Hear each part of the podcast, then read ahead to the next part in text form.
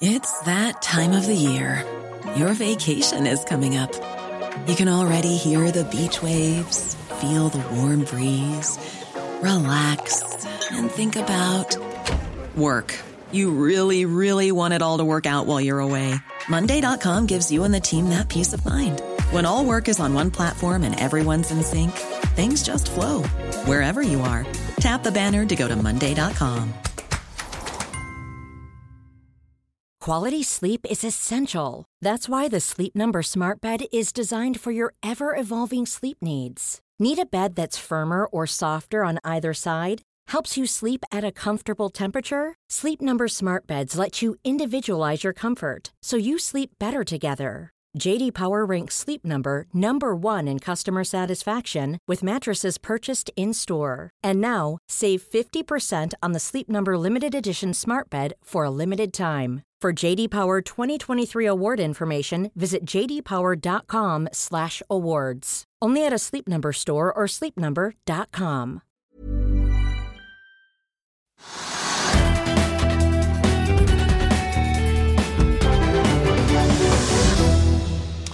Velkommen til Økonominyhetene. Vi er kommet til torsdag den 9. februar, og det preges fremdeles av resultatsesongen. 17 selskaper har lagt fram kvartalstall i dag, deriblant DNB. Vi har også mer fra Equinors kapitalmarkedsdag, og vi skal bl.a. få høre at selv om riggmarkedet har strammet seg til, er det fremdeles rigger å oppdrive, i hvert fall for Equinor. Men vi begynner med markedet nå. Oljeprisen er litt ned siste døgn, men ligger fremdeles på samme nivå som i går, på rundt 85 dollar. og Nei, 84 dollar, selvfølgelig. 84 dollar og 53 cent nå, ned 0,6% Den har imidlertid vært helt oppe på 85 dollar og 46 cent på det høyeste i dag. Oslo Børs, der er hovedindeksen ned nå 0,13% til 1238. Og vinner- og taperlisten den preges av eh, en del småselskaper.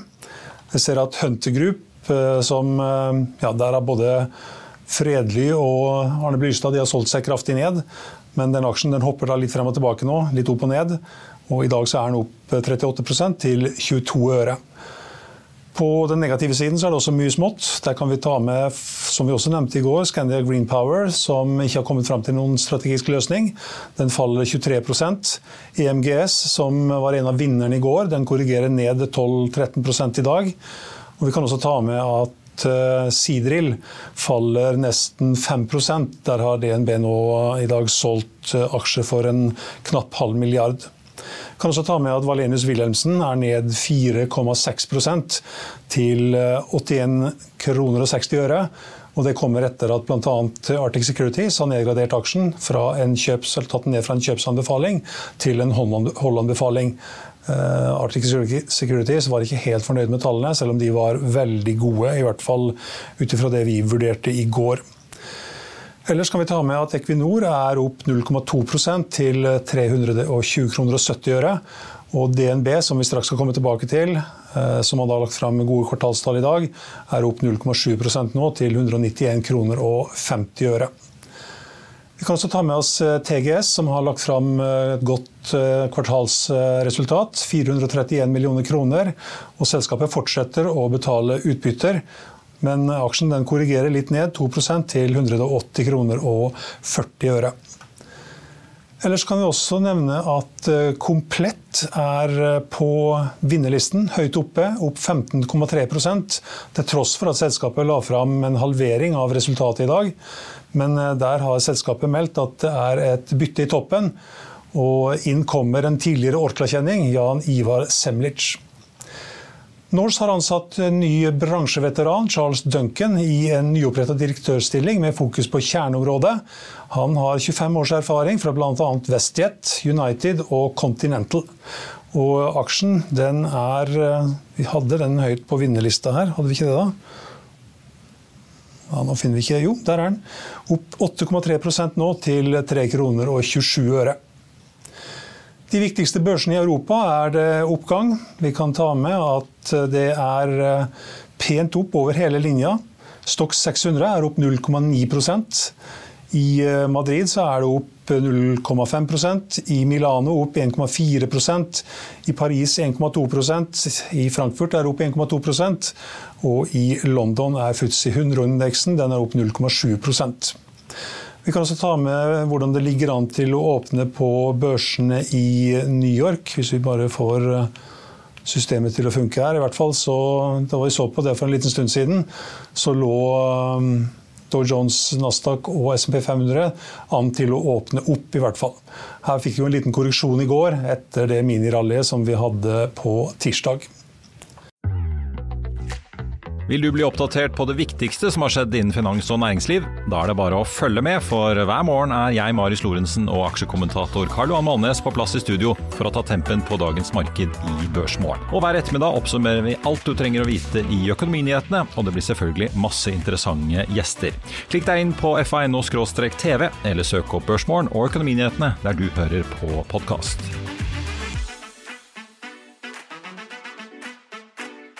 DNB la frem eh, kvartalstall i dag som var langt bedre enn analytikerne ventet. De la frem et resultat på 10,3 milliarder, opp fra 8 milliarder i fjor, og venta 9,3 milliarder.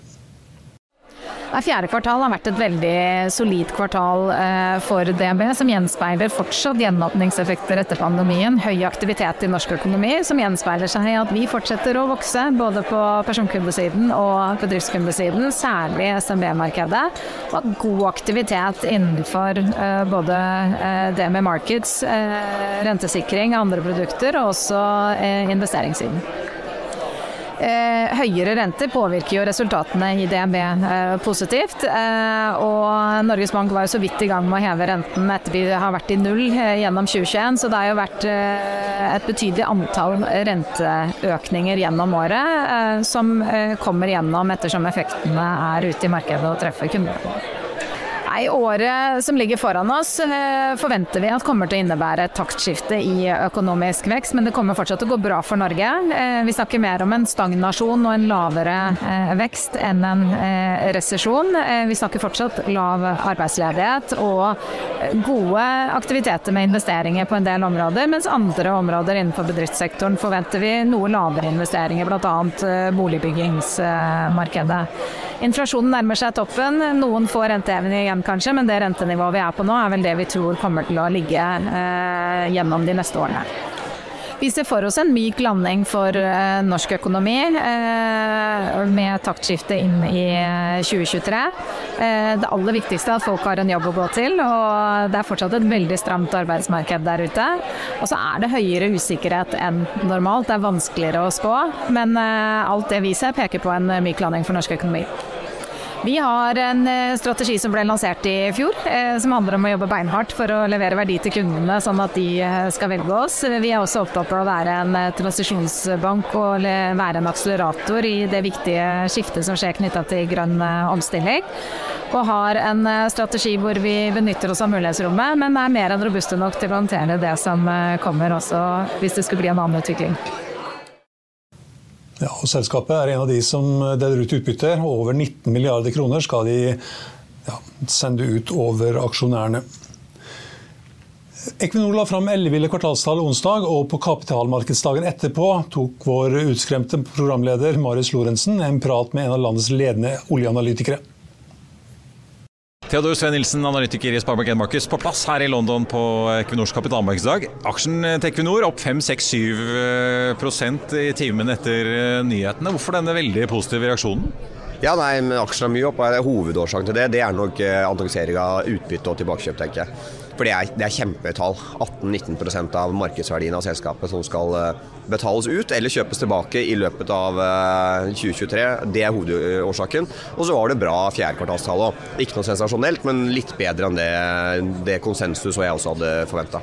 Ja, for vi har jo sett Olje- og gassprisene har kommet en god del ned fra toppen, selv om det fortsatt er et godt marked med over 80 dollar fatet og sånn. Eh, men likevel, hvordan leverer de hvis du ser liksom på selve selskapet ikke bare de veldig høye priser som har eh, drevet inntjeningen? Nei, jeg, jeg tror en ting som kanskje karakteriserer Equinor litt mer nå enn tidligere, i hvert fall sett fra mitt ståsted, det er liksom at mer disiplin enn det det har vært før. Det er ikke Capex-guiding for 2023 var kanskje ikke så høy som man skulle, skulle gjette at den, at den skulle bli. Eh, vi ser jo det at det investerer ikke veldig mye mer fornybar, selv om det kanskje kunne vært eh, fristende å gjort. Så det er sterk disiplin, rett og slett. Og så bør det sies i forhold til aksjekurs, så det ble jo ikke prisa inn i aksjekursen veldig høye gasspriser og veldig høye oljepriser da oljeprisen var der, så man må på en måte se litt gjennom de toppene og bunnene som regel. da. Men det at de, eh, Nå har jo BP vært ute denne uken og sagt de skal investere mer i olje og gass enn de opprinnelig planla. Samtidig Equinor har jo snakket veldig mye om fornybar i mange år, men det kommer ikke noe økning der i målene de har om hvor mye fornybar kapasitet de skal ha i 2030. Er det mangelen på tilgang av prosjekter, eller sliter de med å finne god nok lønnsomhet i disse prosjektene? Eller hva, hva kommer det av at det ikke er noen nye vyer her? Ja, jeg tror det er en kombinasjon av flere ting. Det, det ene er jo en ganske stabil strategi og disiplin. Det andre er nok det at eh, lønnsomheten i de prosjektene eh, er kanskje lavere enn man skulle ønske. Uh, og det siste er jo det klart uh, høyere renter og høy inflasjon. Uh, det er jo to faktorer som slår veldig hardt inn på den type prosjekter. Mye hardere inn på tradisjonelle olje- og gassprosjekter som ja, de har høy volatilitet, men også veldig høy, høy lønnsomhet. På M&A-fronten har det gått litt rykter om de kanskje skal kjøpe noe på britisk sokkel. Aker BP fikk jo snappet opp Lundin eh, her i fjor. Eh, tror du Equinor vil prøve å kjøpe seg noe innen olje og gass, hvis ikke de klarer å finne noe mer selv? Ja, nei, Det er umulig å spekulere men jeg tipper jo de M&A er vel alltid noe man ser på. Så ser man noe som er, eh, passer inn i porteføljen eller som er billig og ingen andre vil ha. Så, så gjetter jeg det at vekst i olje og gass er nok ikke noe mindre sannsynlig enn vekst i fornybart. Til slutt, Du dekker mange selskaper i sektoren. Vi har sett veldig mange øke utbyttene sine. Snakke om den vanvittige inntjeningen. Men eh, er det noe som utpeker seg med Equinor eller de andre, hvis du ser på Equinor? Ja, ikke der, altså, Vi oppgraderte Equinor fra nøytralt til kjøp her for eh, en tid tilbake. og Det er jo fordi nå liker vi selskapet. 18-19% utbytte og tilbakekjøpsgild er helt vanvittig.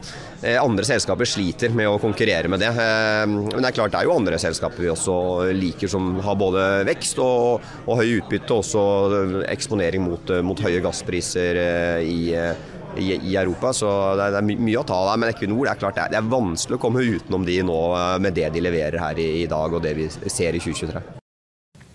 Ja, Vi har nettopp fått inn melding fra USA om at førstegangssøkerne til arbeidsledighetstrygd økte med 13 000 i uken som ble avslutta 4.2. Det løfta da antallet da til 196 000 mot 190 000, og opp da fra det laveste på ni måneder, 183 000. Vi har litt mer fra Equinors kapitalmarkedsdag også. Riggmarkedet strammer seg til, men ifølge Equinors prosjekt- og riggeneral Geir Tungesvik er det fremdeles rigger i markedet å leie.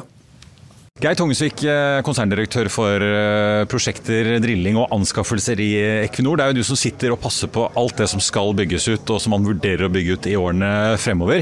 I høst var du ganske åpen på at eh, kostnadsnivået som dere observerte egentlig jevnt over i hele prosjektporteføljen var på vei oppover. Likevel ser vi at dere snakker fortsatt om at balanseprisen i porteføljen er på 35 dollar fatet, og at tilbakebetalingstiden er ca. 2 15 år. Hvordan henger egentlig dette sammen? Hva er det dere ser nå? Nei, altså når det gjelder utvikling, så er det helt riktig at vi ser en prisvekst generelt sett. Og Den har vi bakt inn i våre estimater. Men så er det sånn at vi sanksjonerer prosjekter hele veien. Så hver gang vi er ute i markedet, så kalibrerer vi modellen vår. Så vi er rimelig trygge på våre estimeringsmodeller gående framover. Og det er en ganske sånn en sofistikert modell som har fullt av elementer, og noe skal gå opp, og noe skal gå til og med nedover. Eh, når det gjelder selve porteføljen, så eh, mener vi at vi har eh, en robust og god portefølje. Der er nok noen prosjekter som vi fremdeles skal jobbe litt med. Men totalt sett så har vi absolutt tro på at vi skal få sanksjonert disse prosjektene, og vi har en god så å si, overall break-even på porteføljen. Eh, dere har jo tabeller med alle disse prosjektene, hva som er sanksjonert og godkjent, og hva som fortsatt eh, jobbes med. To jeg la merke til, som eh, er vel nye av året for mange av oss i hvert fall. Johan Sverdrup fase tre. Nummer to har jo akkurat kommet i produksjon, og også clusterutbyggingen av Johan Castberg i Barentshavet. Kan ikke du fortelle litt om hva de to innebærer? Ja, Det er jo litt tidlig å, å si detaljene om det, men eh, området rundt Johan Sverdrup er veldig spennende. Og vi ser eh, muligheten for å koble til enda mer enn det som var opprinnelig tiltenkt. Men det er ikke snakk om en ny plattform, sånn som dere gjorde i fase to? Det er ikke det. Det er snakk om uh, subsea-utbygginger som skal koble seg opp mot, det, mot uh, det eksisterende anlegget. Castberg ser vi som en naturlig cluster i videreutvikling av Barentshavet. There's never been a faster or easier way to start your weight loss journey than with PlushCare. PlushCare accepts most insurance plans and gives you online access to board-certified physicians who can prescribe FDA-approved weight loss medications like Wigovi and Zepbound for those who qualify. Take charge of your health and speak with a board-certified physician about a weight loss plan that's right for you. Get started today at plushcare.com slash weight loss. That's plushcare.com slash weight loss. plushcare.com slash weight loss. I'll see you in court. Vi sier det ofte litt på spøk, men for deg som driver business, er det aldri moro å innse at du ikke har laget en 100% gyldig kontrakt. Du bør ikke risikere hele firmaet ditt fordi du synes dette med kontrakter er litt stress. En avtale er ikke en avtale.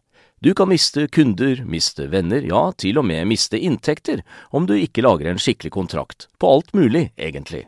Men vi vet det er et styr. Kopimaskiner, treg printer og haugevis av papir. Dessuten stoler vi jo på folk her i landet.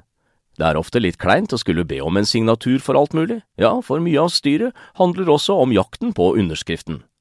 Det finnes en enkel måte å løse dette på, Dukkobit, en trygg, effektiv og get this, gratis måte å sikre seg en god natts søvn pluss en juridisk bindende avtale. Dukkobit-appen har de strengeste sikkerhetskrav i bunn, samt en EU-godkjent og sertifisert teknologi. Framover vil det bli behagelig å spørre du, skal vi skrive under på det, eller? Kom i gang på dukkobit.no. Det er lagt til rette for å koble opp nye funn og nye felter. Så det er et områdeutvikling av Barentshavet vi tenker på der.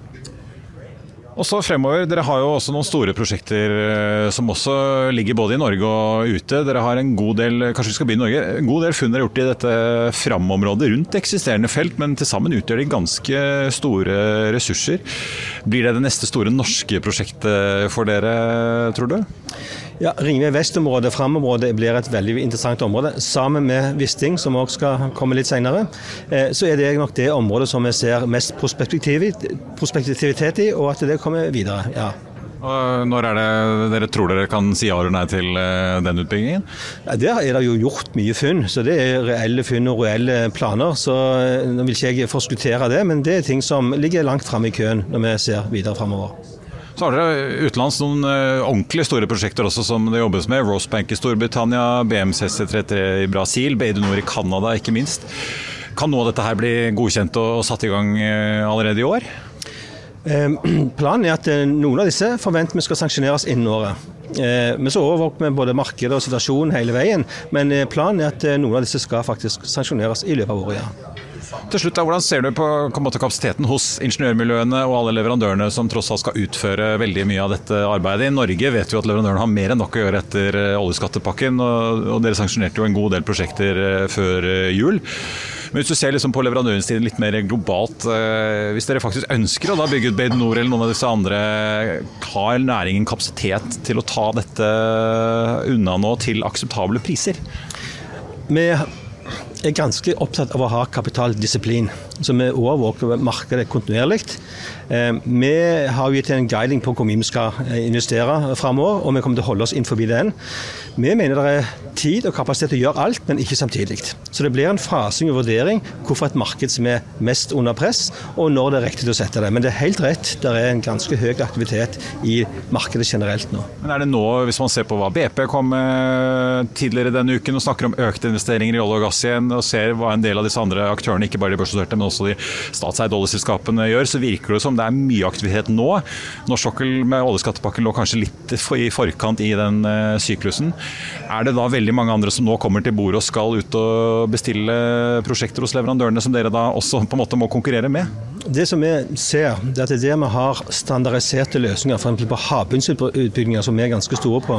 Når vi har liksom hatt den samme eh, leverandøren og, og, og produktlista siden 2017, så ser vi at industrien er mye lettere for å levere det som de har levert før. Og vi ser at markedseffekten er mindre på den type tjenester. Så det går nok på hvordan vi klarer å standardisere og forenkle. Så kan det godt være at det er veldig sånn spesielle løsninger er krevende å få til i et så stramt marked. Altså Særlig da de store spesialdesignede prosjektene? da. Med, med, mindre det blir spesielle løsninger. Men hvis vi kan lande på en mer standardiserte løsninger, standardiserte skrog osv., så, videre, så er det lettere å, å, å få, få plass til det i et stramt marked. Til slutt, eh, veldig mange følger jo med på rigg- og offshoreflåtene, som jo har hatt mange tøffe år eh, bak seg, men det virker jo som raten er på vei opp. Hvordan ser egentlig tilgangen ut på rigg for dere nå? Er det, er det, fullt, eller er det mye ledig kapasitet fortsatt? Det er fremdeles ledig kapasitet, men eh, prosjektene begynner å sanksjoneres. og Det betyr at de kan gå ut i markedet og sikre seg riggkapasitet for de prosjektene der. Og så er det kanskje det mer litt sånn kortsiktige markedet som går på leterigger og, og, ting som gjerne ikke har den samme langsiktigheten, som, eh, som vi følger nøye med på. Men foreløpig er det eh, kapasitet i markedet, men det er alltid en, en bevegelse i det markedet der. Ja, Vi gir ikke helt slipp på Equinor riktig enda. En stor svart boks, ja, det var slik Equinors uh, Irene Rømmeloff beskrev sin egen trading og prosesseringsdivisjon i går. Som ikke alle syns er like lett å forstå. Kanskje litt lettere å forstå etter dette. Irene Romeloff, eh, konserndirektør for markedsføring, midtstrøms og prosessering i Equinor. Eh, både du og Anders Oppdal har snakket om at eh, Europas gassforbruk må nok enda mer ned i år hvis man skal klare å fylle lagrene til neste vintersesong. Men det er jo noe annet som også skjer nå. Etter oljeembargoet mot Russland her i Europa, så har jo nå dette produktembargoet, eller skal i hvert fall inntre nå i februar. Hvordan ser dere det påvirke markedet sett fra deres ståsted? Nei, nå har vi jo litt eh, erfaring fra oljeembargoen, da. Eh, og for alle praktiske formål så har vi vel stort sett de samme volumene i det globale markedet. Eh, det som vi ser, at de volumene som kommer fra Russland, de finner veien mot Kina og India. Og erstatter, og andre volumer kommer til Europa. Så relativt liten effekt. Eh, eneste effekten er vel stort sett på shippingkostnader, for det er en uoptimal logistikkjede akkurat nå. Ja, det blir jo merarbeid, men det er ikke sånn at ting stopper opp at uh, tilgangen på diesel plutselig blir strammet inn? Eller? Nei, det, det, stopper ikke opp. Og så kommer produktembargoen, og vi tror vel at vi kommer til å erfare eh, noe av det samme. Foreløpig har vi sett null effekt, og grunnen til det er jo at veldig mange kunder de stokket opp på russiske produkter nå i forkant av embargoen. Men eh, vår ja, arbeidshypotese er at det kommer til å ha liten effekt, på samme måte som crude-embargoen. Litt mer komplisert på produktsiden, for raffineriene er liksom designer for å ta spesielle crude osv., men eh, ja, ikke, ikke stor dramatikk. Tredje dine så jo et ganske spektakulært år i fjor, med priser som skjøt i været, særlig på naturgass selvfølgelig i eh, Europa. Prisen har kommet noe ned på tampen av året og inn i 2023. Men det virker ikke som du tror det blir noe sånn veldig strukturelt forbedring på tilbudssiden av energi, særlig for Europa, på en god del år ennå? Nei, altså Europa er jo nå en del av et globalt gass-commodity-marked. Eh, så du er avhengig av å forbedre den globale eh, supply demand-balansen. Eh, og vi vet, har veldig god kontroll på hvilke nye LNG-prosjekter som kommer til markedet. Og vi vet at det er veldig lite som kommer i 23, det er lite som kommer i 24 og 25. Så kommer det en stor bolk med nye volumer i 26, fortrinnsvis fra Qatar og USA. Så det er først i 26 og utover at du kan se en viss robusthet igjen i den globale eh, gassbalansen. Oppi alt dette så er dere får vi si, mer positive på egne vegne. Dere skrur opp eh, forventningene dere har til eh, hva din divisjon skal ha inntjening eh, fremover ganske betydelig. Oppi nå fra altså 250 til 500 millioner dollar til mellom 400 og 800 per kvartal. Hvis man ser i regnskapshistorikken så svinger jo resultatene i MMP-divisjonen voldsomt ofte kvartal til kvartal. Senest nå på tampen av året hadde dere et papirtap på 2,5 milliarder dollar på derivater. Hva er det som gjør at dere tror at eh, dere over tid klarer å levere bedre tall enn før på trading? Det som er viktig med disse derivatene, er at dette er tidsforskyvninger. Dette er ikke reelle tap eller ei. Så hvis du ser vekk fra det, eh, så tror vi at vi skal klare å levere sustainable resultater mellom 400 og 800. Så det, er viktig å få med seg at disse her tidsbegrensede derivatene ikke er en del av det. Nei, det er egentlig tre ting som gjør det. er at vi tror på større volatilitet i markedene framover. Ikke nødvendigvis så stor som i fjor, men høy volatilitet pga. veldig mye fornybar eh, energi som kommer inn i markedet. Det må være noe som backer opp, og da er gassløsningen. Det andre er at vi får en stadig mer fleksibel portefølje.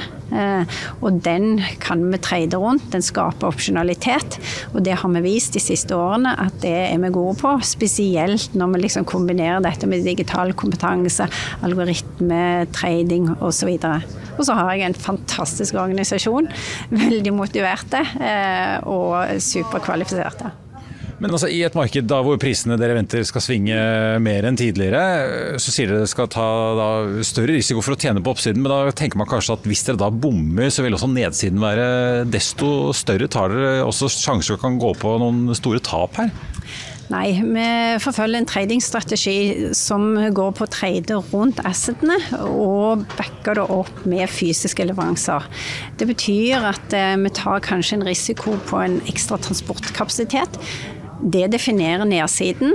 Det er størrelsesorden gjennom et par millioner eller noe sånt. Men oppsiden eh, kan være så stor som over 100 millioner. Det har vi vist i år. Og det er opsjonsverdi, rett og slett. Og vi òg trader Vi bruker papirmarkedene til å trade den posisjonen mange ganger. Så vi setter den på, vi tar den av igjen, vi setter den på, vi tar den av igjen. Og hver gang så tjener vi litt grann penger. Eh, og så til syvende og sist så leverer vi med de fysiske volumene. Så det er en filosofi med, og en strategi med veldig lite nedside, men eh, en nesten uncapped oppside. Så må jeg høre, Du er jo ansvarlig for landanleggene og mange av disse nye terminalene og hydrogenprosjektene som dere er i gang med i Storbritannia og nedover på kontinentet, også i eh, Norge, som vi har hørt om i en god del år. Men nå seiler jo USA plutselig opp som et veldig attraktivt investeringsområde med nye tiltak fra myndighetene, inkludert av Inflation Reduction Act. Men hva slags portefølje har dere i USA for å spille på dette her, nå som dere selv snakker om at USA er blitt veldig attraktivt? Mm. Når vi ser etter muligheter, eh, enten det er på trading eller om det er på oppstrøm, så prøver vi alltid å se der vi har konkurransefordeler.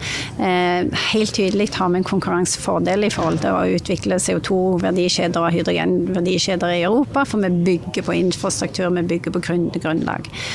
I lengre tid så har vi òg sett det at vi har en tilsvarende eh, konkurransefordel i USA. Vi har mye gass ut av eh, Marcellus, eh, vi har gode kundeforhold, og vi har utvikla òg prosjekter der borte. Så har støtteordningene vært mindre eh, i USA. Eh, derfor har vi forsert eh, aktiviteten vår i Europa. Med IRA så er plutselig det bildet skifta. Men jeg tror ikke at dette er et statisk bilde. Og vi ser allerede tegn på at Europa tar dette som en challenge. Og Ursula, von der Leyen var vel ute egentlig og sa at de skal up their game og, prøve å matche IRA. Så det ville vært helt feil å flytte alt til USA, eventuelt alt tilbake til Europa. Så vi kjører på i Europa, eh, hvor vi virkelig har en sterk posisjon. Og så modner vi fram prosjekter i USA og flytter litt mer folk og litt mer ressurser over der nå. Men eh, ja, som sagt ikke nødvendigvis et eh, statisk bilde. Ja, da gjenstår det bare å oppsummere litt hvordan det står til på børsene. I hvert fall så er det er fremdeles en liten nedgang på Oslo Børs, ned 0,12% til 1238,25. Oljeprisen den er også ned eh, ja, litt i overkant faktisk av en dollar fra dagens høyeste. Ligger på 84 dollar og 37 cent akkurat nå. Når det gjelder børsene i Europa, så er det fremdeles en pen oppgang.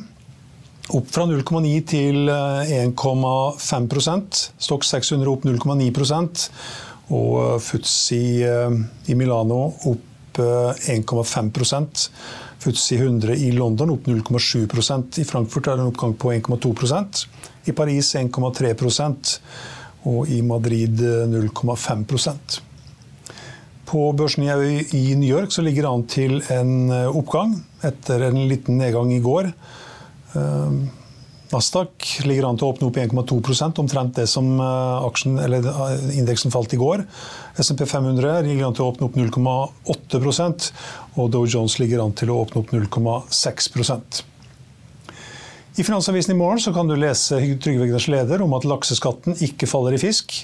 Du får dagens børsintervju og dagens aksjetips. Du kan også lese om enda en flykonkurs, og om et boblende boligmarked i Oslo. Det var det vi hadde for i dag, men husk at eh, siste nytt innen økonomi, næringsliv, børs og finans det får du minutt for minutt på finansavisen.no. Vi er tilbake igjen i morgen med Børsmorgen klokken 8.55 og hovedsendingen vår som vanlig på fredager klokken 13.30. Takk for at du så og hørte på, og håper at du følger med oss igjen i morgen også.